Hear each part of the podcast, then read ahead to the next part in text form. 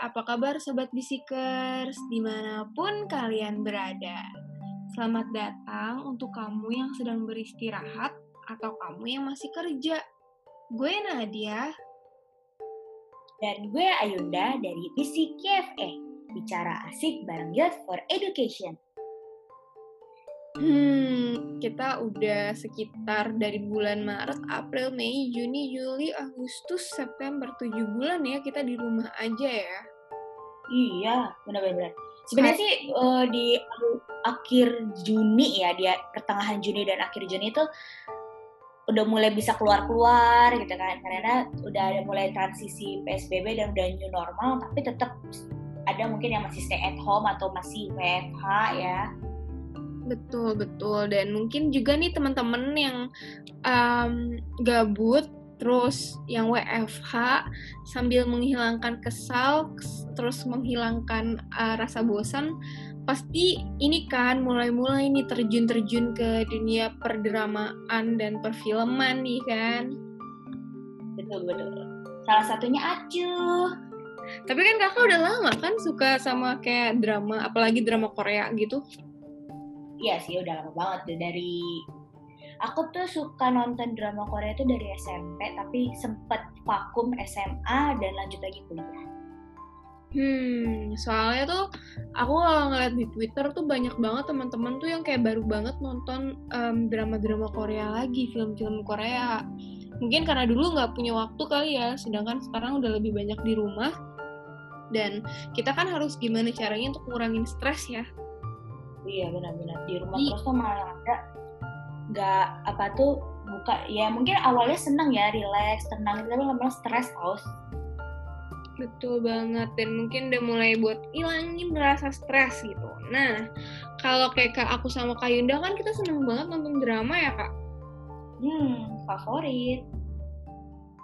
Ya aku senang banget sih nonton drama dan sebenarnya tuh banyak banget hal yang kita bisa belajar dari drama-drama Korea ya. Betul betul banget. Aku pun lama-lama ya walaupun kita nggak bersosial ya.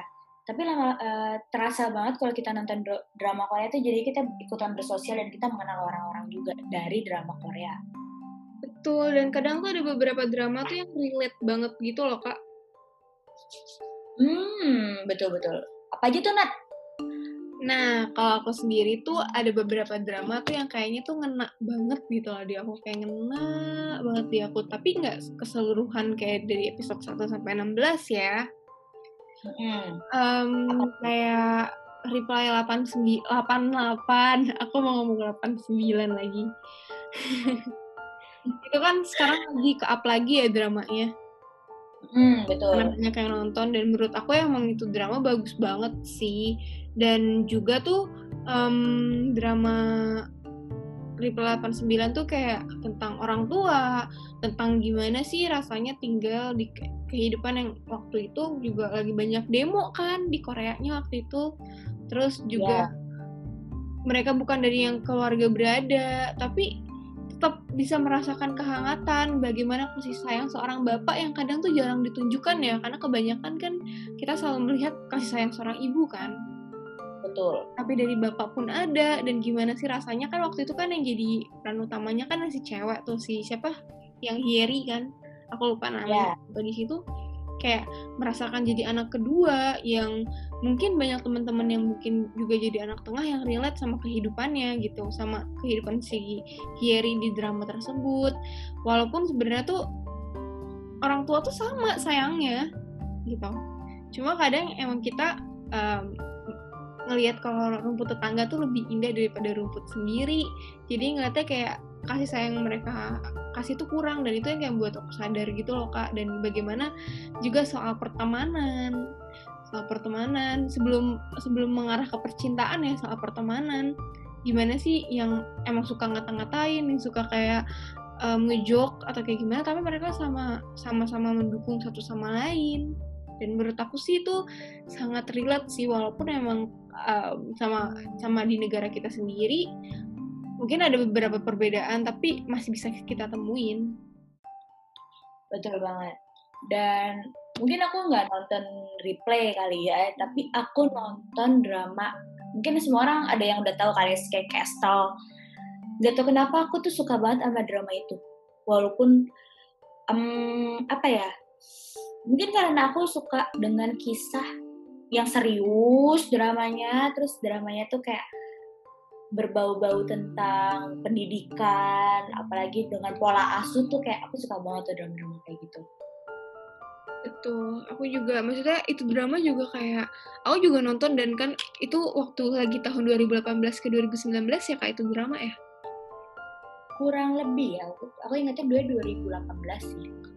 Dan aku tuh kayak waktu zaman zaman drama itu keluar tuh kayak aku mempromot drama itu ke teman-teman gitu loh. Kayak lu harus banget nonton drama ini, please harus banget. Karena kayak ngegambarin banget gitu loh kak. Kalau walaupun emang orang tua tuh tau lah yang terbaik untuk kita. Betul. Bahkan aku malah promotnya ke orang tua aku sendiri. Berarti aku malah nyuruh mamaku mama mama harus nonton. Sky Castle Nah memangnya tentang apa? Itu tentang ambisi orang tua pada anak. Jadi sindiran halus. Iya, dan tapi kadang tuh orang tua nggak mau ngedengerin anaknya. Dan orang tua mm-hmm. memaksakan apa yang kehendaknya mau dan itu jatuhnya jadi toxic parenting kan? Betul banget. Makanya pas aku nonton itu aku ngerasa kayak gini.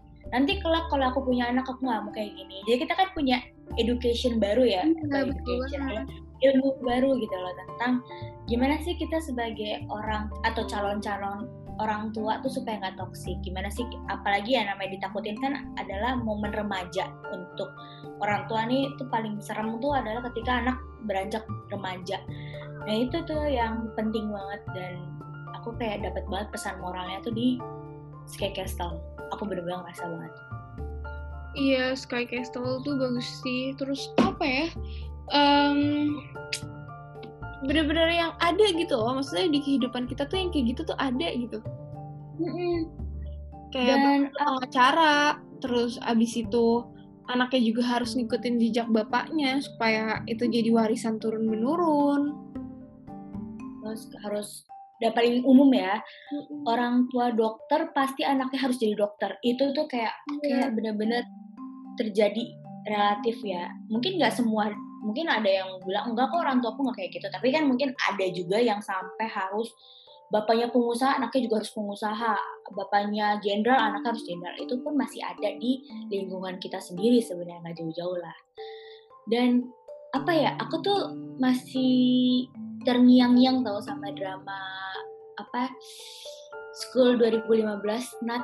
Oh itu my kayak, god School 2015 tuh bagus banget. Nah, itu terngiang-ngiang betapa jahatnya orang aku lupa pemerannya. Itu ngebully ngebully orang tuh enteng banget gitu loh. Lempar apa tuh nyiram pakai air kotor terus abis itu kasih tepung telur busuk. Itu seenteng itu dan kayak ya ampun ada loh manusia kayak gini gitu. Ini manusia apa bukan sih? Tapi ternyata relate dan itu emang masih ada dan masih ada di di lingkungan kita sendiri gitu. Betul banget dan apa ya um,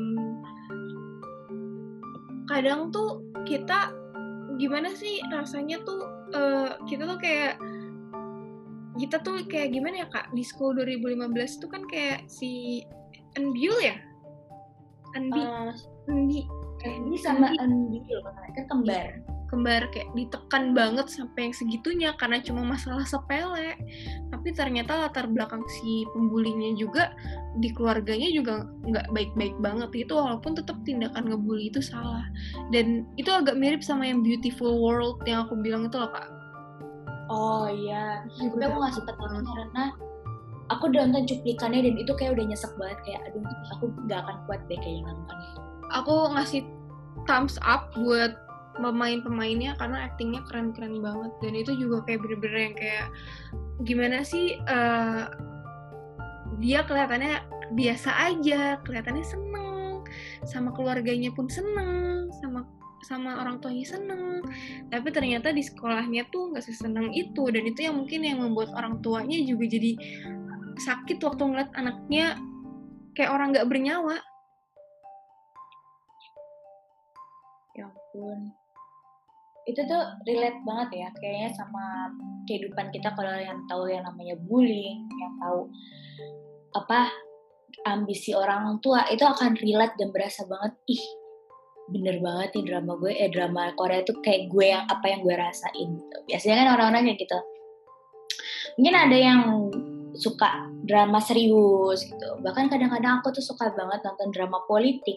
Dan somehow ya pas abis aku nonton drama politik dan aku ngeliat aku emang nggak bukan orang politik ya. Cuma aku pas ngeliat po polanya di pemerintahan Indonesia sendiri tuh kok sama ya relate ya gitu. Kayak ternyata dunia politik seperti ini. Jadi kita punya pelajaran baru gitu loh kalau menurut aku ya.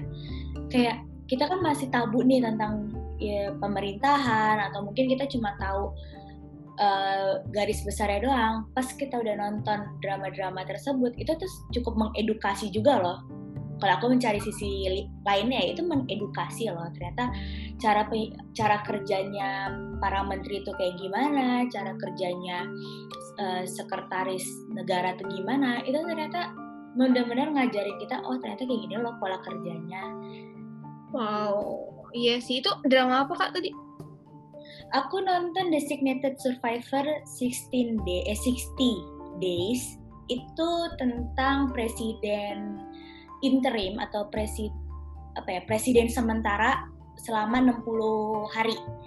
Karena presiden sebelumnya itu di, uh, di meninggal karena ada pengeboman. Jadi itu emang agak serius itu itu drama serius banget. Dan kalau aku cari sisi uh, lihat sisi politik adalah uh, sisi lainnya adalah pola pikir politiknya untuk orang baru. Mm-hmm. dan kedua adalah sistem kerjanya. Jadi kayak oh ternyata presiden itu kerjanya kayak gini loh. Ternyata membuat sebuah keputusan untuk negara tuh nggak semudah kita nggak cuma ngasih keputusan untuk diri kita. Mungkin kadang-kadang susah juga sih. Atau enggak pokoknya tidak tidak mudah lah kita harus cari jalan tengah. Itu tuh persis banget dan itu mengedukasi banget sih. Kayak kadang aku tuh suka mikir tahu Nat bisa kayak sekali Indonesia bikin bikin film perpolitikan gitu kita tuh teredukasi tau. Itu penting banget edukasi tentang hal yang tabu. Yang kita tuh cuma tahu luarnya tapi kita perlu tahu dalamnya kayaknya sempet ada deh kak. Tapi aku juga lupa sih. Maksudnya kayaknya pernah ada yang film Indonesia kayak gitu. Film ya tapi bukan drama. Cuma aku hmm. juga lupa sih judulnya apa. Mungkin kalau nanti teman-teman yang udah dengerin podcast ini terus nanti kalian bisa nge DM kita di IG-nya Youth for Education yang film yang di Indonesia yang mengangkat soal pemerintahan. Tapi aku juga lupa judulnya apa aku lebih sering dengernya tuh autobiografi atau biografi sih yes, gitu, kayak Soekarno gitu gitu aku sering lihat. Tapi kalau untuk apa ya bahas benar-benar sistem perpolitikan itu masih belum sih. Mungkin next time ya mungkin ada nih calon-calon sutradara atau calon-calon penulis cerita. Terus kayak abis denger podcast kita kayak ih pengen deh buat boleh banget kayak itu penting banget Rasa. untuk mengedukasi ya. Bukan kita nggak mengkritik atau menjelekan enggak tapi kayak mengedukasi itu penting. Kayak mengedukasi cara pola pikir pola pikir atau pola jalannya pemerintah tuh penting loh. Jadi biar kita terus uh, itu penggunaan media itu tuh penting. Jadi kayak kita biar nggak tabu dan kita nggak apa ya tidak sampai salah salah ini ya kita kan kadang-kadang suka menggebu-gebu cerita ngomong tapi ternyata nggak sesuai kan daripada kita sampai sampai segitunya. Terus uh, ini tentang kejaksaan. Aduh aku ya terlalu serius deh. Gak apa-apa aku suka apa soalnya emang pen, apa ya oh dari semenjak itu aku tahu loh. Aku nonton drama tentang apa kayak pengacara jaksa. Itu penting banget. Kayak kita kira tahu ternyata hukum itu bergeraknya kayak gimana cara geraknya pengacara itu gimana. Itu penting tahu. Aku suka nonton drama Korea karena apa? Bukan pemainnya ya di luar pemainnya yang ganteng-ganteng dan cantik-cantik. Aku lebih suka apa? Mereka benar-benar mengedukasi dan dari plot ceritanya itu benar-benar menjelaskan secara detail gitu. Itu yang aku suka. Jadi nggak cuma uh, tentang cinta enggak tapi dia menjelaskan secara detail loh. Ini loh kerjanya uh, polisi kalau nyari apa tuh nyari target atau nyari orang tuh oh, nyari apa sih tersangka tuh kayak gimana. Itu tuh bener detail banget dan aku kayak suka banget. Wah ternyata gini loh cara kerjanya Keren ya. juga sama drama-drama Korea ini kayak banyak banget yang bisa relate. Oh, satu lagi kak yang relate. Apa tuh? Apalagi buat orang-orang yang baru lulus kuliah terus kayak masih struggling to find a better and uh, comfort job itu Fight for My Way. Ah iya benar-benar kan. Fight for My Way itu benar-benar relate banget sih kayak gila nyari kerja tuh susah ini. Maksudnya dulu kita di zaman sekolah yang kayak kita udah banyak prestasi ataupun kita banyak temen. Tapi ternyata pas kita udah terjun masuk ke dunia kerja tuh nggak segampang itu untuk mencari pekerjaan dan mencari temen real di dalam pekerjaan kita. Betul. Apalagi yang namanya mengejar sampai mimpinya tuh terwujud tuh susah. Iya, susah banget. Semudah dia mem aku tuh suka pas dia tuh pengen jadi apa tuh pembawa berita. Mm-hmm. dan dia tuh ngebar jadi mimpi pembawa berita tuh kayak susah banget struggle banget. Dan itu kayak ya itu bener gitu loh. Kita mau jadi apa jadi pembawa berita tuh kayak nggak semudah orang-orang gitu loh Pokoknya aku suka banget itu drama sih. Jadi pokoknya tadi udah berapa drama sih yang kita saranin sebenarnya banyak banget banyak banget ya drama-drama yang bagus lainnya. Tapi paling ya itu yang Gak cuma dari Korea juga ya. Hmm. Tapi mungkin banyak paling bisa relate lah ya. Mm -mm. Karena kita kalau melihat dari apa ya kalau misalnya kita cuma mengambil cerita itu cuma percintaan gitu ya itu akan jadinya kita tuh jadi apa ya fairy tale syndrome gitu oke kita membayangkan punya kekasih kayak gini hmm. tapi kalau kita melihat sisi lain dari drama kayak benar-benar mengedukasi cara uh, mengedukasi atau menginformasikan nih loh uh, kehidupan sekolah tuh kayak gini atau enggak ketik sudut pandang orang yang ngebully itu kenapa atau sudut pandang yang nerima dibully itu seperti apa itu benar-benar diinformasikan dan kita akhirnya ter apa ya terpelajari lah oh ternyata kita tuh nggak bisa langsung menjadi satu orang atau kita juga nggak bisa membenarkan perilakunya gitu. Tapi kita harus mencari tahu kenapa orang itu seperti itu kenapa orang itu ngebully kenapa orang itu kenapa orang tua nya berambisi. Ternyata dia juga ada dorongan dari orang tua, dari besannya atau dari mertuanya. Itu tuh relate banget gitu loh. Saling berkaitan semuanya. Betul. Tapi kita bukan kita menormalize sama hal ngebully. Ya ngebully itu tetap salah ya teman-teman. Betul. Betul banget. Itu bullying itu salah. Dan kita sebagai orang yang punya empati bukan uh, memdiami atau hanya melihat tapi kita perlu yang namanya namanya menegur. Kalau bisa membantu malah membantu yang dibully ya bukan yang membuli membantu orang yang dibully. Jadi gitulah teman-teman. Mungkin itu bisa ngebantu kalian buat yang bingung nih mau ngapain lagi kita buat apa ke depannya buat nonton drama Koreanya. Mungkin kalau teman-teman belum nonton sama drama yang tadi kita rekomend bisa langsung ditonton betul banget. Dan kalau misalnya kalian bingung nih kak uh, drama yang real uh, yang oke okay, atau enggak butuh rekomendasi kak kalau buat penyemangat drama apa sih yang cocok? Hmm kita punya segudang drama. Ya, banget. Kamu mau nanya drama Korea, Thailand bisa banget. Nah, itu dia podcast kita hari ini. Cek juga Instagram kita Eh, cek juga sosial media kita nih di Yacht for Education, yang pakai angka 4 itu untuk Instagram dan TikTok kita. Uhuy. Dan cek juga Twitter kita di Yacht for Edu Chat tuh. Chat tuh, tuhnya pakai angka 2. Dan kita juga ada di Facebook di Yacht for Education. Tulisannya biasa ya, Yacht for Education. Nah, bagi kalian nih yang mau tahu banget atau mau tahu kegiatan YFE itu apa aja, kalian bisa cek di website kita di youthforeducation.org.